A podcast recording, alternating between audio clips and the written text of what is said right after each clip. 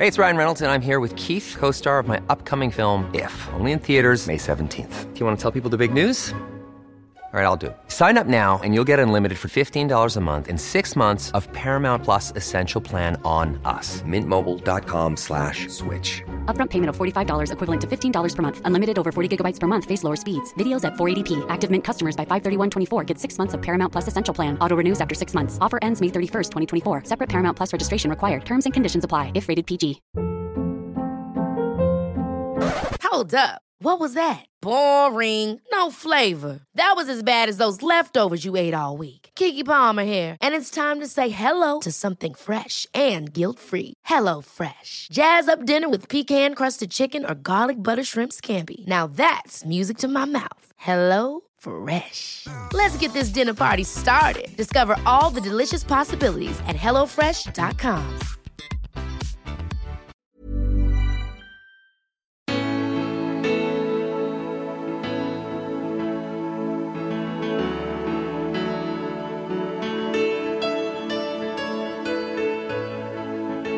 Och så sitter man eh, 25 stycken i Skype. Och jag var då raid leader så jag skulle koordinera allting. Och du vet, det, tänk dig själv 30-åringar som inte har sovit på 40 timmar. Du vet, och att anställa dig är alltså som att slänga in en handgranat i organisationen. Och jag tänkte, ja det är passande när man heter Mohammed också. Det så han skrattade som fan. Jag bara, nej jag skojar bara. Hur kan ett bolag som omsätter 12,5 miljard inte veta? Jag blev helt fascinerad. Jag tänkte fan om ni hade vetat då hade ni gjort 120 miljarder.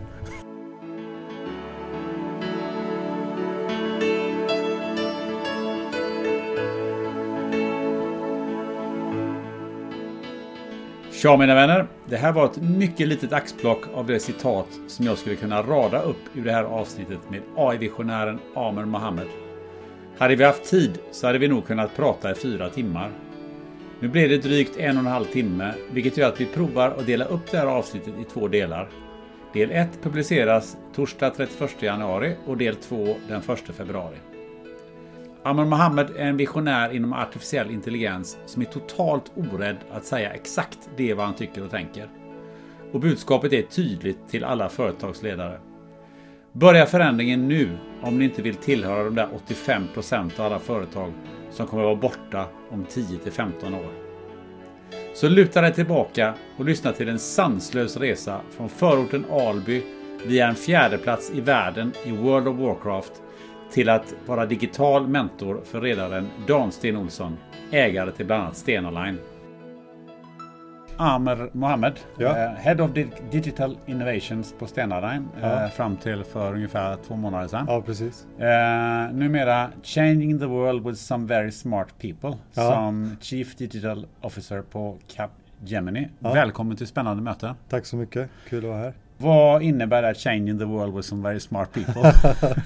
Ja i princip så var det ju anledningen till att de rekryterade mig på CAP var ju att de hade sett det arbetet jag hade gjort på, på Stena Line. Ehm, så de i princip så bad de mig göra samma sak för, eh, för CAP som jag hade gjort för, för Line då. Och jag vet att CAP är ju ett stort, ett stort varumärke, väldigt känt brand. Eh, och det är väldigt smarta människor som jobbar där. Eh, så det är därför det känns som att man inte förtjänar att vara där nästan. Men det måste ju vara väldigt stor skillnad mellan ett, eh, ett rederi eh, slash serviceföretag som Stena Line och ett eh, konsultföretag som Capgemini eller som Ja. man, hur, man ska, hur man ska kategorisera Capgemini vet jag inte exakt. Ja men det är ju ett konsultbolag och eh, det har jag ju märkt redan nu två, tre månader in på jobbet att eh, det är alldeles för stort fokus på antalet timmar som mål. Eh, och vill man inte bli en commodity, det är i alla fall vad jag tror, vill man inte bli en commodity framöver så gäller det ju att fokusera eller sätta antalet timmar och se det som ett resultat. Det ska inte vara målet för det arbetet vi gör.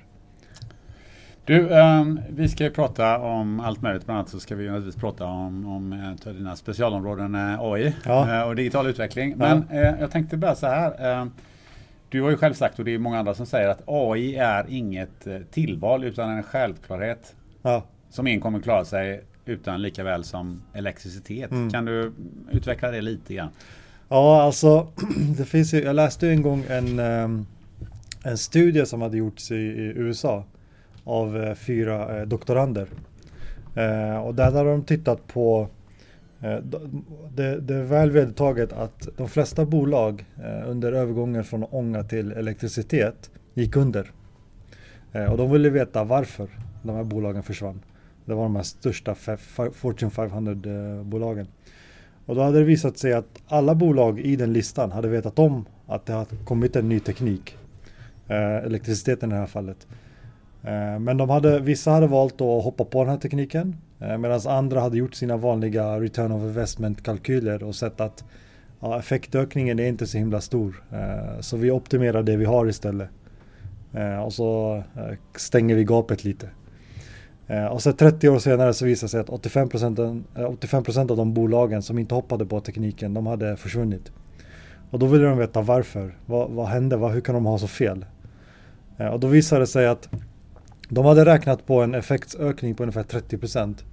Men i och med att det var en så pass ny teknik som ingen har använt så hände det saker med den här tekniken som de inte kunde förutse. Exempelvis eh, när man började använda elektricitet i en fabrik som där man tidigare använde ånga Eh, så visade det sig att med, när man bygger en fabrik för ånga, då måste du placera maskinerna nära källan. För du kan inte transportera ångkraft, det försvinner med, med distans. Den blir försvagad. Men med elektricitet så var det inte så. Utan du kunde transportera elektricitet. I början var det inte bara några hundra meter men sen blev tekniken bättre. Till slut blev det eh, flera kilometer. Eh, och då kunde de bygga om fabrikerna. Så att de blev mer optimerade för logistiken och supply chainen och så vidare. Och så var effektökningen då 3000 procent istället för de 30 de trodde att det skulle bli. Eh, och det är det jag menar med den här nya tekniken som kommer nu. Man tänker ju så här, men AI har ju bara en liten effektökning idag. Så det kan inte vara så avgörande som jag och många andra påstår. Men det är svårt att veta någonting som man aldrig upplevt till fullo. Eh, och sen måste man ju fundamentalt tro på att precis som när elektriciteten kom, att det här är en så pass stor skillnad. Även om inte vi vet fullt ut vad det kommer innebära Eh, samma sak som internet och så vidare och mobilen och så vidare. Så det är det det handlar om, att det är en så pass stor grej så att det kommer påverka mycket mer än vad elektriciteten gjorde. Fast det är svårt att se det idag för vi har inte upplevt eh, AI. För det är ju lite intressant det här med det som du säger med Fortune 500. Eh, skulle man kunna göra samma eh, framtidsutsagor mm. som säger att eh, om eh, x antal år så är 85% av dagens bolag på Fortune 500 ja. eller på A-listan i, i börsen eller ja. så försvunna. Ja, det kan jag nästan garantera. Eh, för att det, hela den här, du har säkert hört ordet digitaliseringen. Och alla bolag kör digitalisering nu och det är det de säger och bla bla. Men det man måste förstå att en av anledningarna till framgångsfaktorn på Stena Line det var att vi satte en bild av vad digitaliseringen innebar.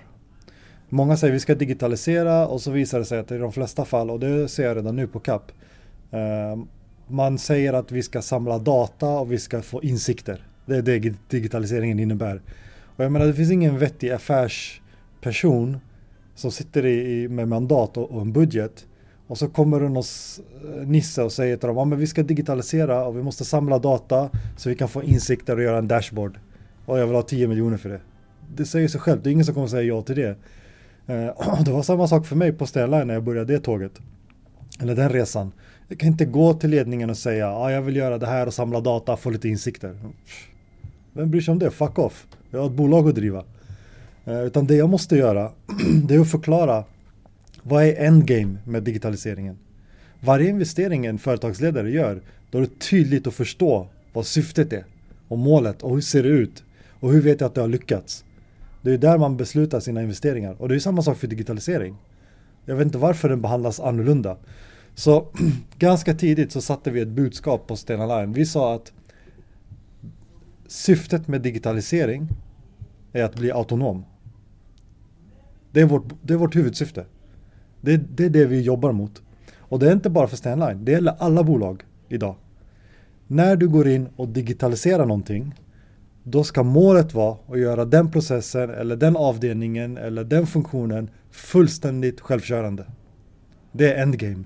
Det är dit du ska ta det. Först då är du klar.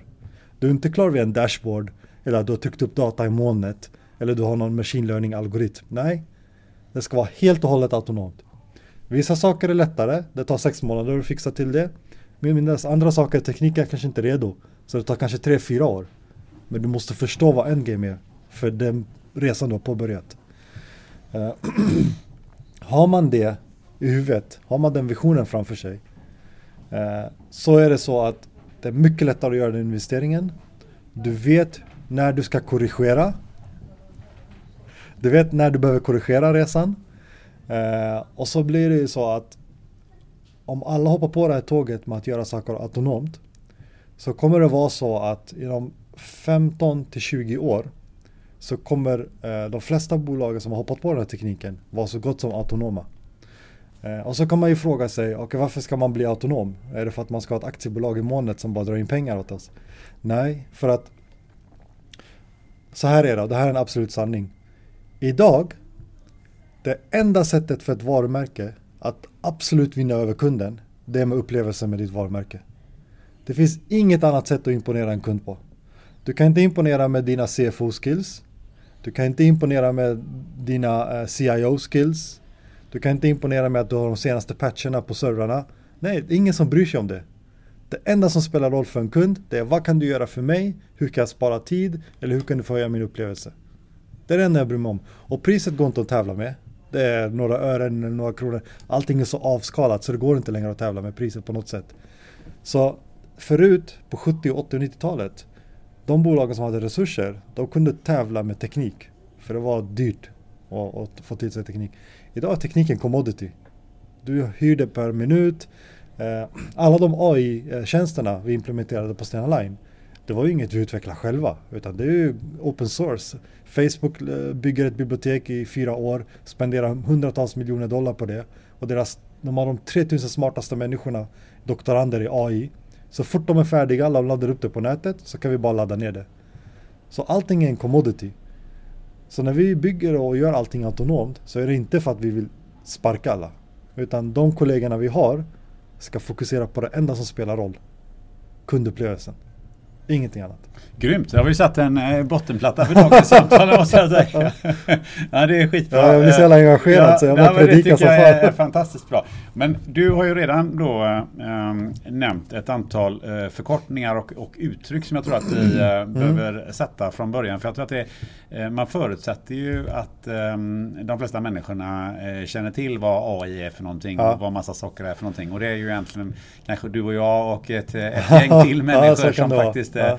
som faktiskt vet vad det innebär. Eller så mm. använder de orden fast de egentligen inte riktigt vet vad det innebär. Det har mm. du ju säkert stött på i, i, många sammanhang då. Så jag tänkte att vi börjar med en liten ordlista. Mm. Eh, vad, eh, vad är AI? AI är eh, ett samlingsbegrepp för eh, eh, machine learning, eh, maskininlärning, alltså maskiner som lär sig själva. AI står för artificial intelligence. Um, så när man säger AI så menar man ett gäng olika teknologier inom uh, artificiell intelligens. Ett annan, en annan förkortning som ju används ofta det är ju VR. Ja, virtual reality. Vad är det? Det är, eh, det är precis nästan som det låter. Det är en virtuell värld som man kan se projicerad framför sig. Det brukar vara en hjälm man sätter på sig och så ser man så här uh, framför ögonen hur man, en 3D-värld man kan röra sig omkring i och, och, så vidare. Men det är inte samma sak som AR? Nej, AR är um, augmented reality. Och det betyder ju egentligen, om man översätter det ordagrant så är det förstärkt verklighet. Så då kan man ju, det man gör i AR är att man blandar digitala objekt med den riktiga världen. Eh, många spelar, spelade till exempel Pokémon Go eh, när det var hett som fan för två år sedan. Eh, och det är ett exempel på AR, där man har digitala figurer som springer omkring på gräsmattan, den riktiga gräsmattan. Och det kan du då se via kamerans eh, eh, mobilens kamera. Så egentligen kan man säga att AR är, är, det som används oftare och som är, som är enklare att ta till sig och enklare att använda. Annars måste du ja. ha någon sorts hjälm. Annars måste man ha någon hjälm och sånt där. Så det är mycket eh, och det är fler applikationsområden på AR än vad det är på VR. Du, chatt, vad är det för någonting?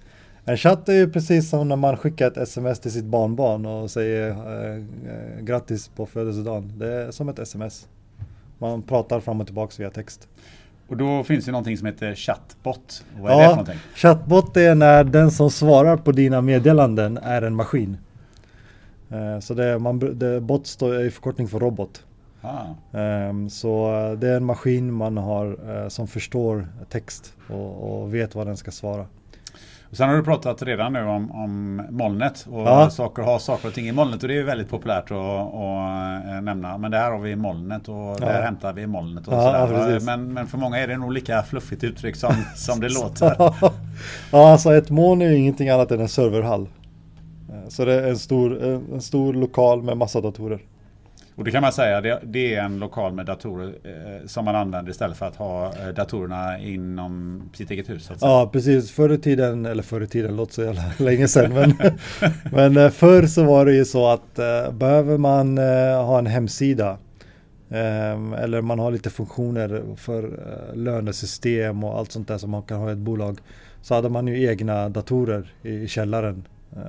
Och så hade man en grupp då, nätverksgruppen som har hand om datorerna och ser till att de är uppdaterade, ser till att de är säkra och så vidare.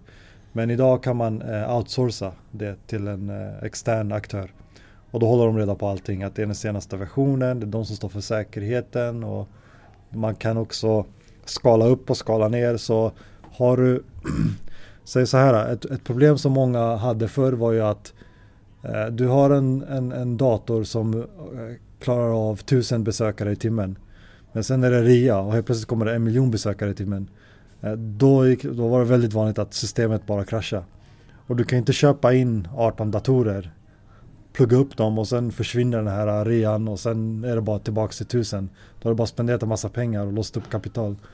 Eh, men när man sätter saker i molnet eller till en extern aktör då har de ju eh, processer för att kunna skala upp antalet datorer så länge du behöver dem.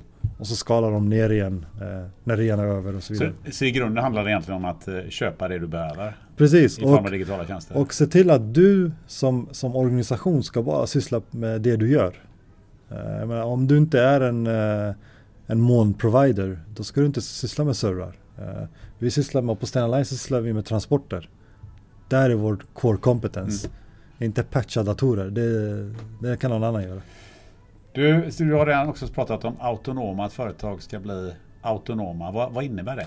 Det innebär att allting som går att sköta automatiskt måste göras automatiskt.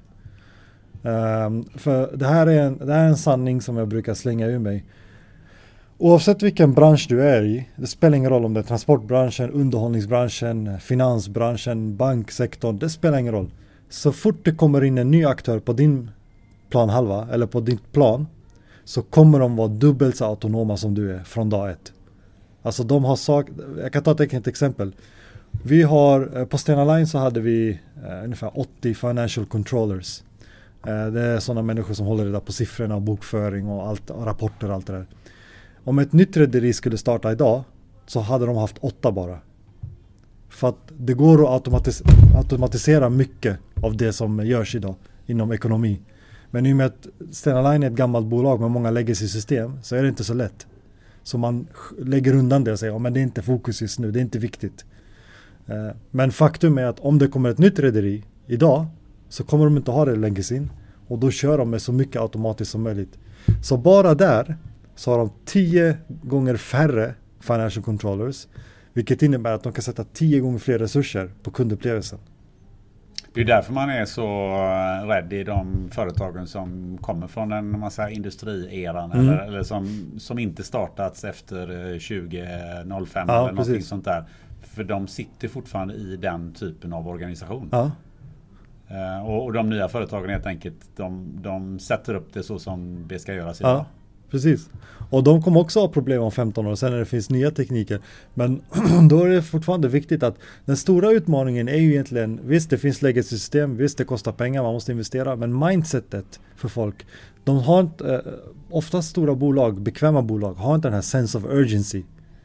De, först, de, de kan höra att ja men okej det här andra konkurrenten nu de har inte De har automatiserat den delen Ja men det spelar ingen roll vi behöver inte göra det men många bäckar små gör ju att det bolaget till slut kommer vara helt autonomt eh, Medan vi sitter kvar med legacy system och vi har bara fyra customer experience managers medan de har 40 Och det är ju livsfarligt Du, eh, du pratar också om machine learning. Mm. Vad är machine learning? Det är en maskin som eh, kan lära sig med tiden av att observera data, stora datamängder. Kan du ha någon sån där, eh, sån vanligt exempel på vad vi redan ser idag? Ja, eh, om du tittar på, om du går in på en eh, sajt, egentligen vilken e-com-sajt som helst, eh, så finns det oftast eh, när du handlar någonting så står det så här under köpknappen så står det folk som köpte det köpte även det här. Och det är ju baserat på ditt beteende på den sajten. Så det beror på vilka sidor du har varit inne på på den sajten, vilka tider på dygnet.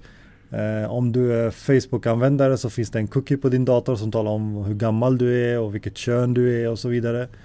Um, och sen eh, om du scrollar upp eller om du scrollar ner och allt sånt där. De mäter allt det där. Mm. Uh, och baserat på det så kan, um, uh, kan man ta fram algoritmer som egentligen är formler, en matematisk formel som uh, lär sig vilka beteenden resulterar i vilka köp.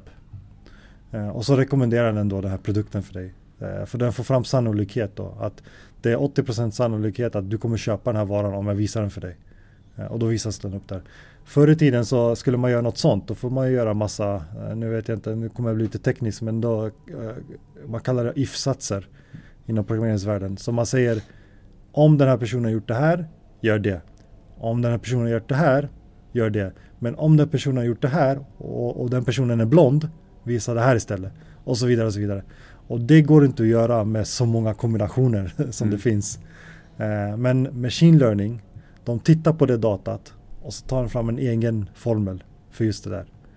Eh, så mm. det är mm. vanligt. En annan vanlig grej som många, jag vet inte om du har sett det i din telefon. Mm. Ibland när man sätter sig i bilen och så säger den 15 minuter hem.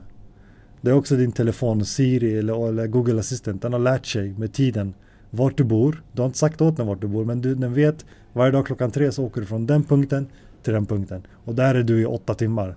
Så det är stor sannolikhet att du sover där. Eh, alltså är det ditt hem. Så oftast när man sätter sig i mobilen så kommer det upp helt plötsligt från Google Maps. Ja, ah, det är 15 minuters trafik just nu. Hem. Ja. Och det, det är också machine learning. Det är nog många som har funderat på den grejen faktiskt. Till slut, open source är ju någonting som förekommer rätt ja. ofta i det du pratar om. Mm. Vad, vad, är det för någonting lite kort sådär? Uh, open source är när någon tar fram någonting uh, som de sen lägger ut på nätet för andra att ladda ner. Um, och, det är, och, och, tanken med det är ju att uh, jag kan ta vår chatbot på Stena Line som exempel.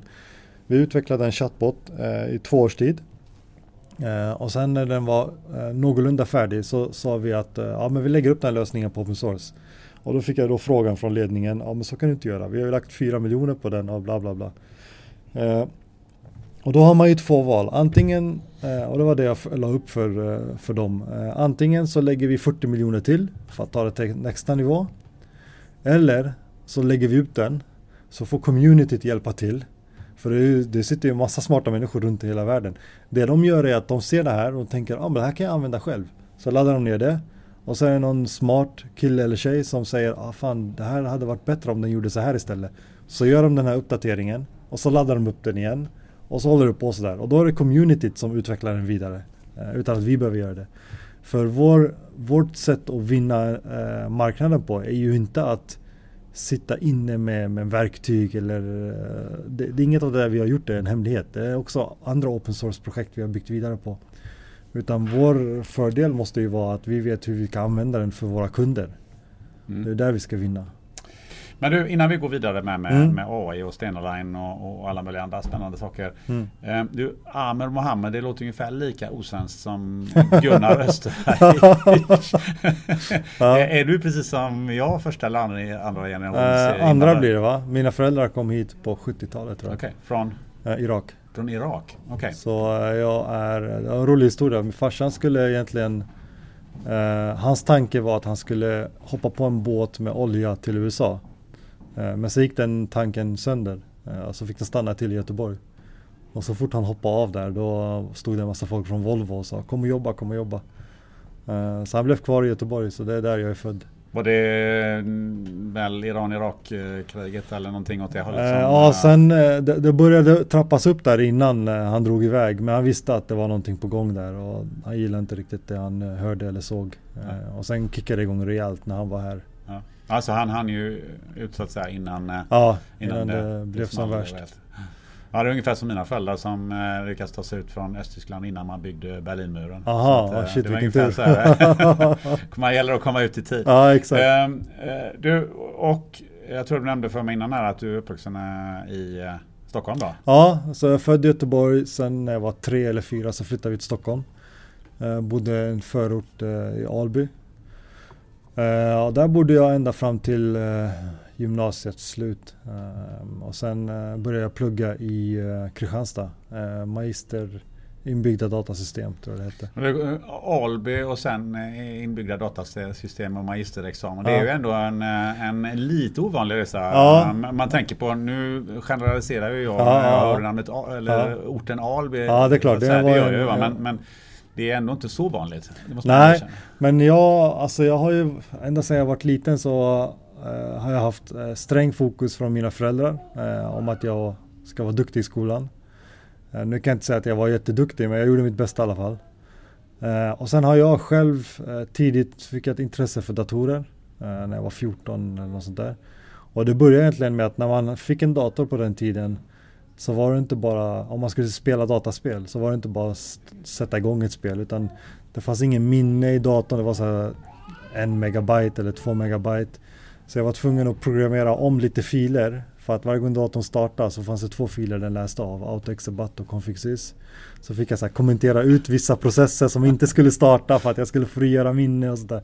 Så på den vägen är det. Så tack vare den där datorn då så var jag aldrig en sån som gick ut eller höll på att hänga i centrum så här 11 på kvällarna något sånt. Utan jag höll på med datorn och programmera och förstörde och byggde om och sånt där. Eh, och det gjorde ju att jag eh, fick de betygen jag behövde till slut. Ja, det var en dator du hade köpt själv eller? nej, det var min, mina föräldrar som hade köpt den. Den första och jag hade. Jag trodde jag började på 486 så fort den kom ut. Det var rätt förutseende av dem att köpa en dator. Ja, de hade inte mycket pengar så det var ju extremt eh, för dem. Extremt, så det var, det var det är jag tacksam för.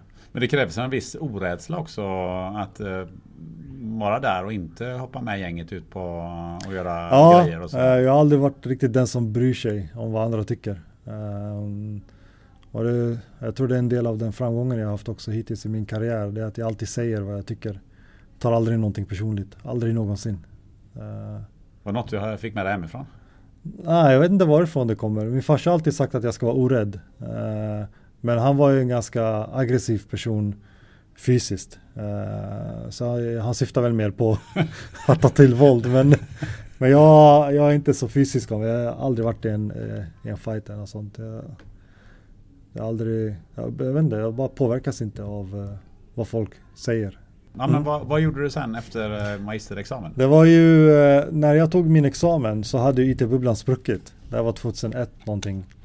Eh, Så det fanns inga jobb alls. Bara sex månader innan så hade ju Ericsson och Sony och alla de här kommit till skolan och försökt ragga oss. Sex månader senare så fanns det ingenting. Så jag flyttade tillbaka till Stockholm och det jag gjorde var att jag delade ut gratistidningar. Metro, då fanns det en tidning som heter City Eh, och så fanns det en tid som heter .se och alla de här. Så jag började köra för ett åkeri. Bara körde ut tidningar. Eh, för någonting måste jag göra. Eh, och så fick jag höra att för vdn eh, för det åkeriet jag körde för, de höll på med ett projekt med en kille i Schweiz, en gammal kollega till honom. Så jag, It's that time of the year. Your vacation is coming up. You can already hear the beach waves, feel the warm breeze, relax, and think about work. You really, really want it all to work out while you're away. Monday.com gives you and the team that peace of mind. When all work is on one platform and everyone's in sync, things just flow wherever you are. Tap the banner to go to Monday.com.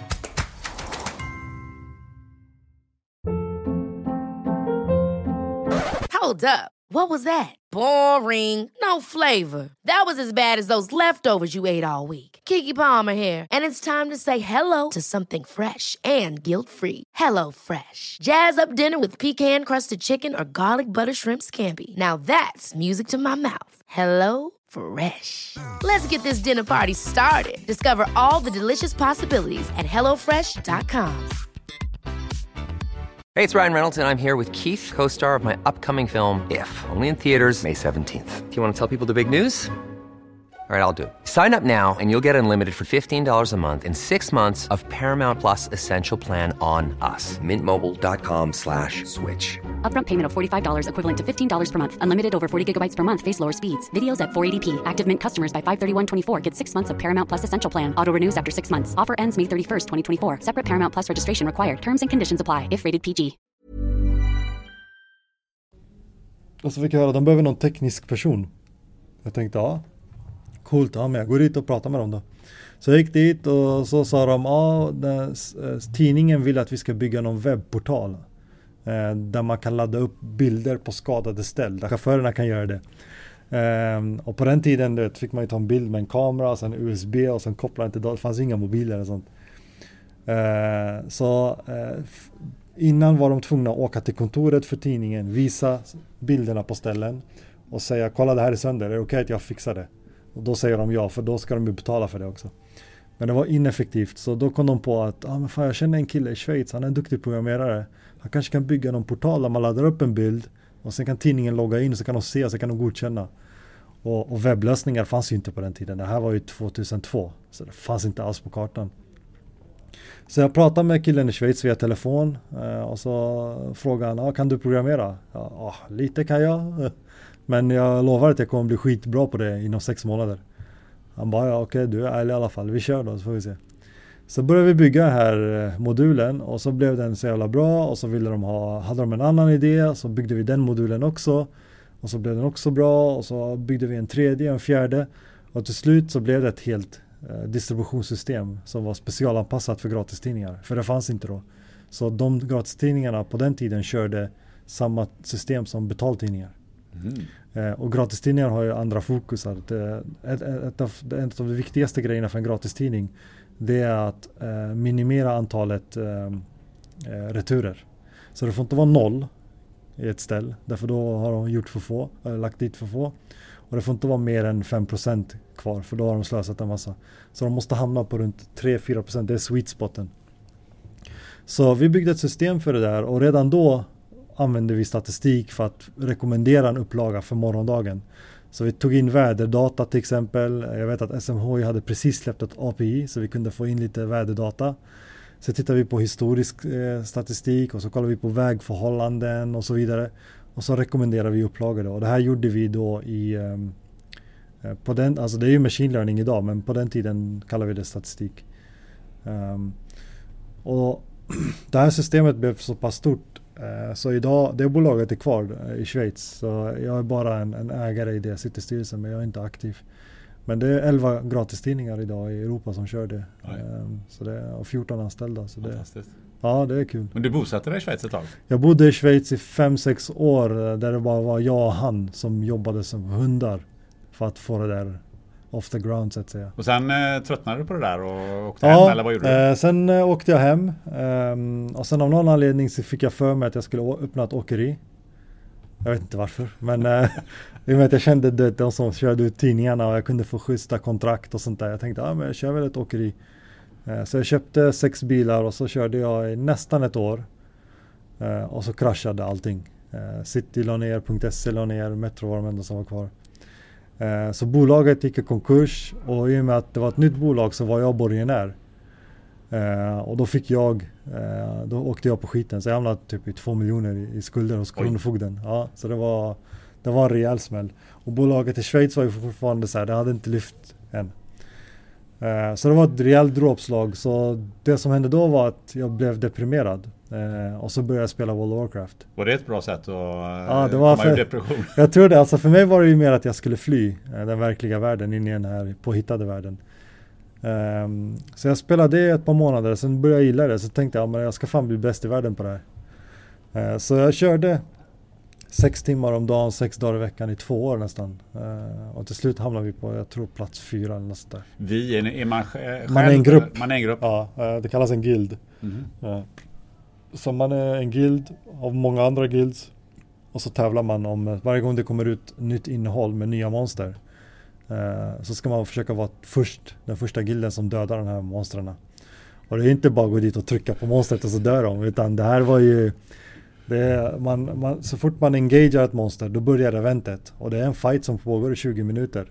Och så sitter man eh, 25 stycken i Skype.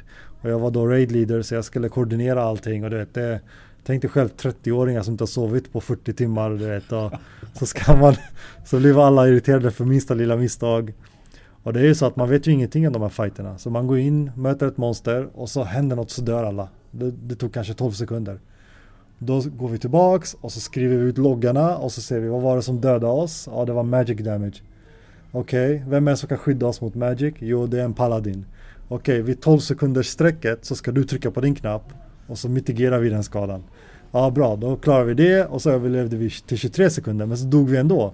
Vad hände då? Jo, vi stod för nära varandra. För när vi står för nära varandra, då exploderar vi.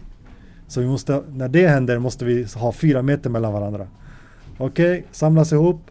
Kör bubblan. Vi överlevde. Okej, sprid ut er. Fyra meter. Bra, vi överlevde. Och så håller vi på så. Och det tar flera veckor. Tills man har lyckats ta ner det monstret. Vilket jobb!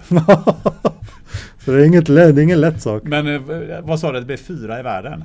Ja, fyra. Vad, hur, ge oss en uppfattning av hur, hur många är 12 det som spelar? 12,5 miljoner spelare var det då.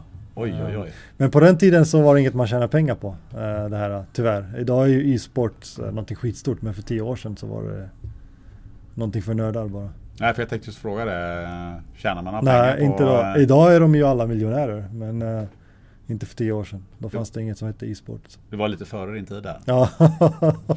Vi sitter ju på, på Scandic Billingen i uh, Skövde här och um, om ni hör lite bakgrundsljud ibland där så, uh, så är det lite människor som rör sig i, i en i övrigt stängd restaurang.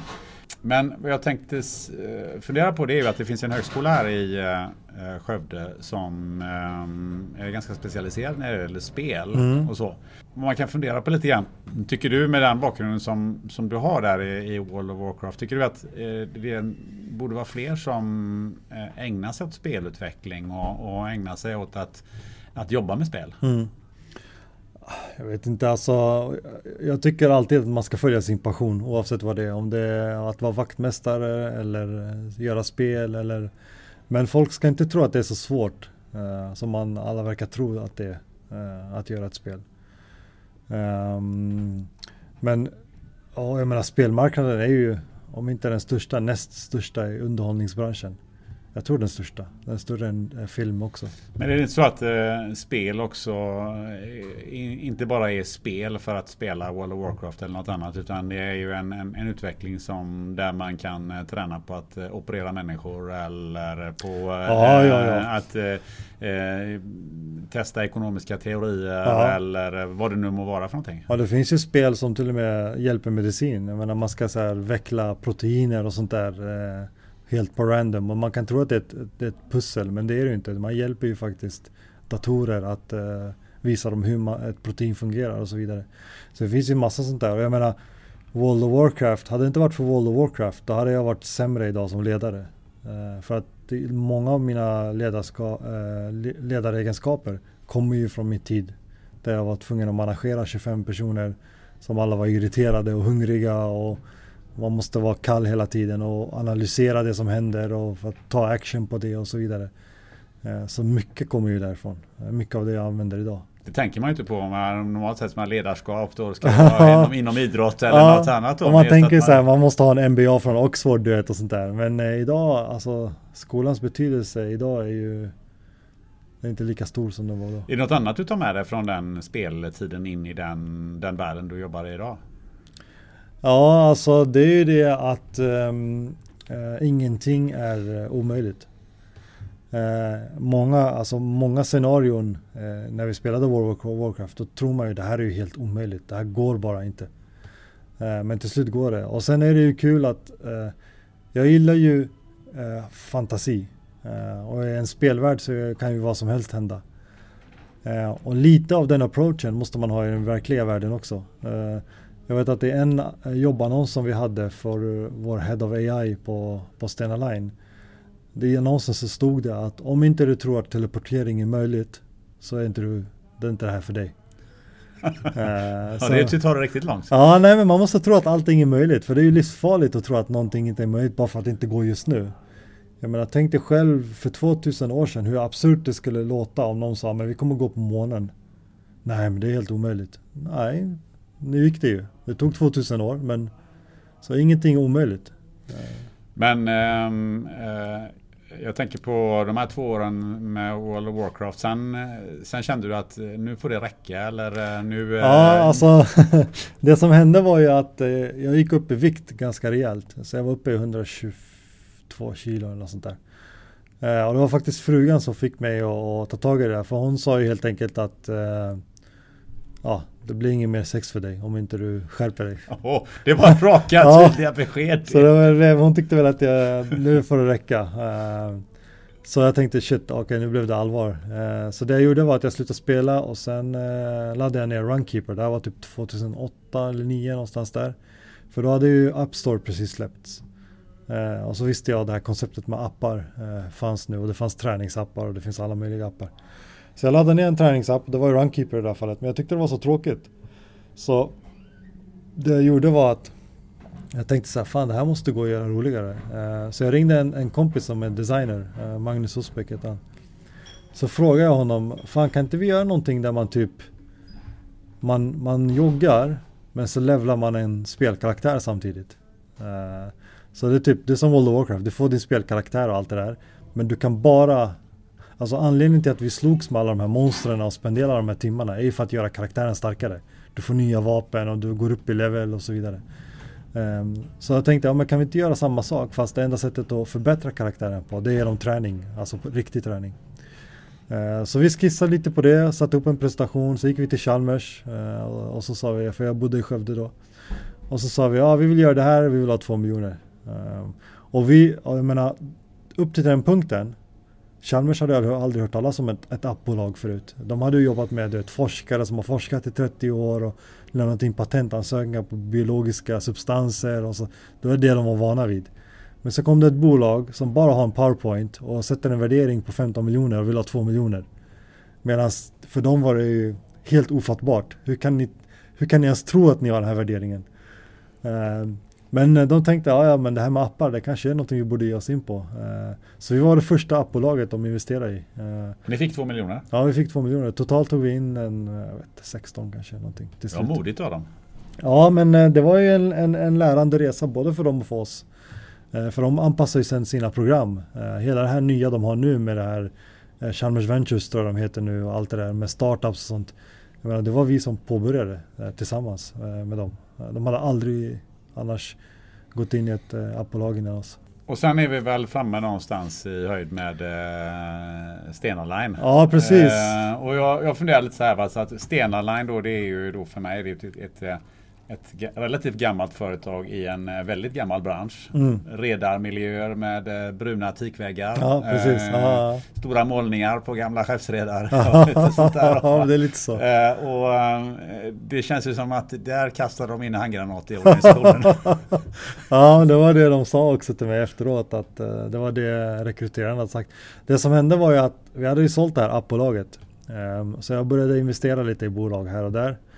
Visste inte riktigt vad jag skulle göra men så fick jag ett samtal då från eh, någon headhunter som frågade så här. Ja, ah, jag läste om dig och ditt appbolag och sånt där. Ja, ah, kul. Ja, Stena de behöver någon app-expert. Jaha, Jaha, okej. Ja, kan du tänka dig att, att, att jobba med dem? Ah, alltså det, jag har varit entreprenör, aldrig jobbat för någon hela mitt liv fram till den punkten. Och helt plötsligt är det så här som att någon frågar mig, vill du jobba för Skatteverket? Eh, så jag tänkte, ja, men jag har aldrig varit, sagt nej till ett möte, jag är aldrig den personen. Jag tänker, jag tar väl alla tillfällen att träffas, man vet aldrig. Så jag tänkte, ja men jag tar det mötet. Eh, så jag gick dit, nu i efterhand inser jag ju att jag var extremt arrogant, för jag behövde inte jobbet. Men jag tänkte jag ska säga till dem vad jag tycker om stora bolag och vad deras problem är. Så jag bara pff, la ut det hela. Ja, ni är arroganta, ni har IT-avdelningar. Jag menar vilket modernt bolag har en IT-avdelning idag? Det är bara bolag som har råd med det. Eh, I ett startup eller ett litet bolag eller Spotify eller vad det nu kan vara så finns det inte IT utan det finns bara utveckling. Om det är affärsutveckling eller programmeringsutveckling, det spelar ingen roll. Det finns en grupp som har hand om en funktion oavsett vilka kompetenser de har. Eh, Medan ni har, ja de är IT och de behöver inte veta allting och vi är affärsutveckling, det är vi som ska veta allt. Och, så jag sa precis vad jag tyckte och tänkte. Eh, så gick jag ut därifrån och tänkte, ja de kommer aldrig ringa. Men så tog det typ eh, tre timmar eller något, så, så ringde den här rekryteraren då. Ja, alltså jag vet inte vad du sa där inne men eh, det var en viss hatkärlek i, i deras respons. Jag bara okej, okay, så vad vill de nu då? Ja, de, de vill att du ska börja. Jaha, okej, okay, men jag hoppas jag var tydlig med vad jag tycker och sånt där. Att det är inte så himla lätt att kontrollera mig. Uh, nej, de, de var med på det. Ja, ja visst. Uh, så jag gjorde lite psyktester och sånt. Uh, för jag skulle få en, led, en, en chefsposition. Så personlighetstester och sånt. Och så kom de fram till då att jag var den första i deras rekrytering som hade fått helt gult. nu kommer jag inte ihåg vad det innebär men jag hade helt gult, inga andra färger, bara gult. Ja, den här i den här färgskalan, ja, rött och gult och, ja, och blått och grönt. Och jag tror det har att göra med kreativitet eller något sånt där, jag vet inte. Eh, eller craziness eller ostruktur eller något sånt där. Eh, vilket stämmer ju in eh, alla de tre grejerna. Så ehm, och då sa han så här, ja jag, jag har gått igenom testerna med dem och jag har sagt till dem att, att anställa dig är alltså som att slänga in en handgranat i organisationen. Och jag tänkte, ja det är ju passande när de heter Mohammed också. Det Så han skrattade som fan. Jag bara, nej jag skojar bara. Fan, det, det behöver inte vara så allvarligt. Så uh, han var okej, okay, ja visst, ja, kul. uh, nej, så jag började där och ganska tidigt så det som chockade mig med, jag började på IT på den delen för då fanns det fortfarande en IT. Nu tror jag inte det finns längre men då fanns det. Uh, så jag började där och, och, och, jag minns tydligt så här ja, det, satt, det satt en tjej och programmerade någonting. Så jag gick förbi så tyckte jag, ah, fan vad ball det där verkar. Satte mig ner bredvid henne, vad gör du för något? Ja, jag ska kommer inte ihåg vad det var, men det var någonting med, med en knapp som skulle ändra färg när man gjorde något speciellt. Ja, ah, okej, okay, coolt. Så, ah, och varför ska du göra det för? Ja, ah, men det står här i min tasklist. Ja, ja, jo, visst, men varför? Nej, men det står här. De har sagt att jag ska göra det. Jo, men det fattar jag, men vad är problemet? Vad är det du försöker, försöker lösa? Vad hoppas du på för resultat? Ja, jag vet inte.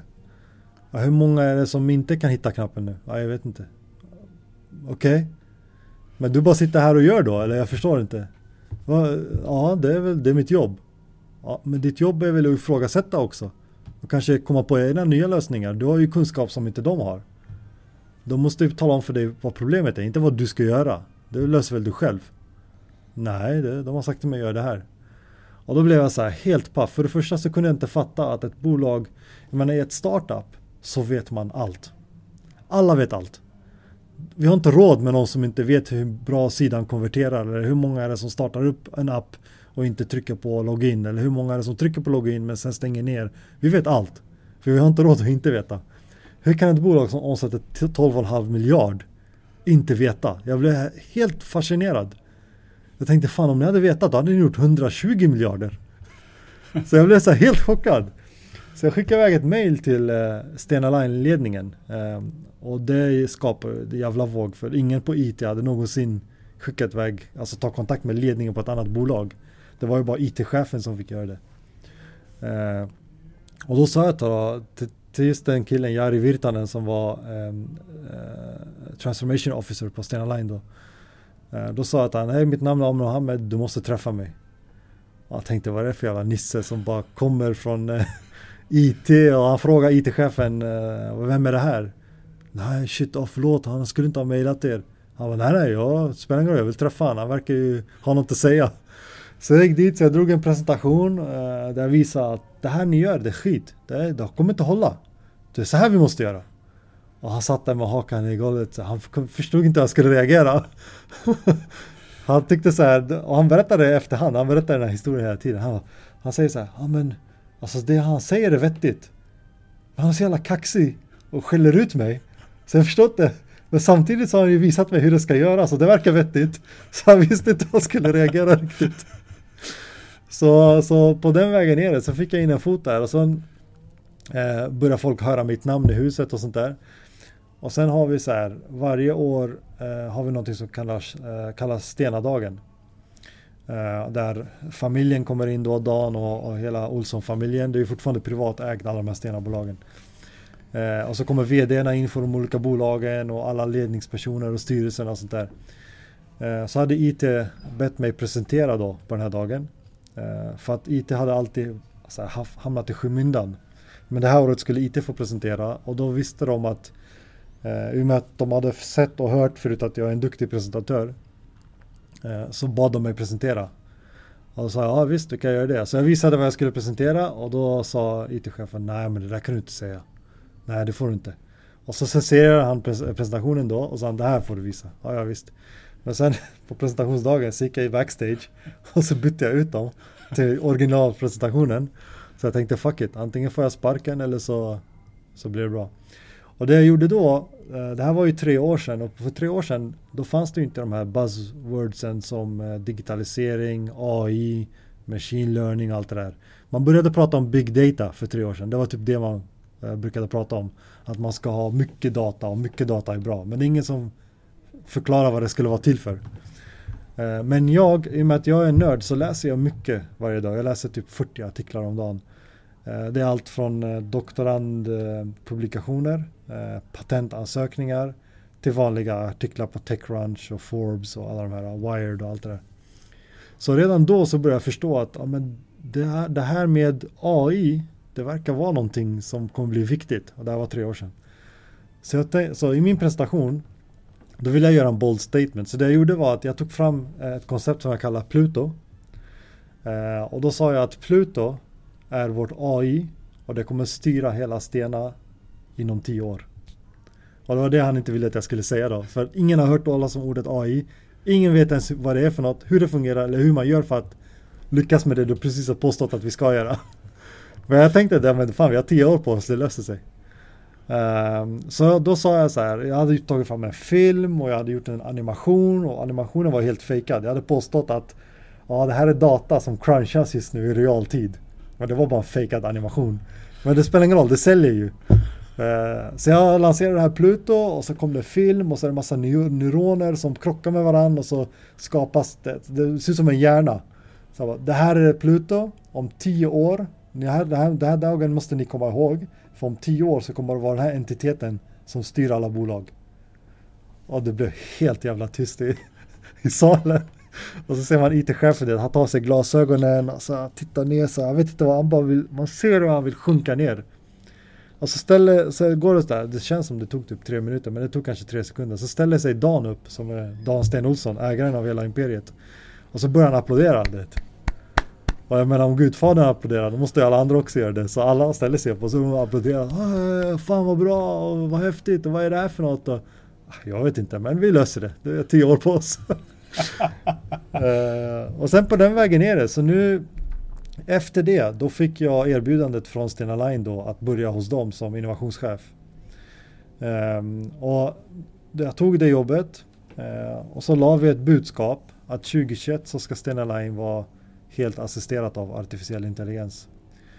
Uh, och det som man skrattade åt för tre år sedan är ju verklighet idag. Så idag till exempel har Stena Line en Head of AI och det är det enda rederiet i världen som har det. Eh, han är doktorand inom artificiell intelligens. Det är ju snabbt marscherat på tre år kan man ju tycka. Ja, eh. eh, bolag som man påstod inte kan ändra sig för att de har gjort samma sak i 60 år. Och då är det ju viktigt att man har stöd från högsta ort. Eh, det är ju skitviktigt. Eh, så efter den här presentationen så gillade Dan mig så mycket så jag blev ju hans digitala mentor. Hoppas du gillar den här första delen, Amr Mohammed. Tycker du att det gick undan? Då är det lika bra att spänna fast säkerhetsbältena ännu hårdare inför del 2. För då blir det åka av in i framtiden. Lyssna på det här. Eh, om, om, man bortser bara från chattbottar utan rent allmänt. Ja, allmänt från AI nu tänker vi. Hela jag tror att spektra. elbranschen inte kommer finnas kvar inom 15 år. Elbranschen? Ja. Alltså att Energi. köpa el? Ja, köpa el. Eh, redan nu så är solenergi den billigaste formen att, producera. Eh, jag tror det är sedan förra året. Eh, inom tio år så kommer det inte gå att ta betalt längre. Nyfiken? Behåll lurarna i öronen och ladda omedelbart ner avsnitt 2.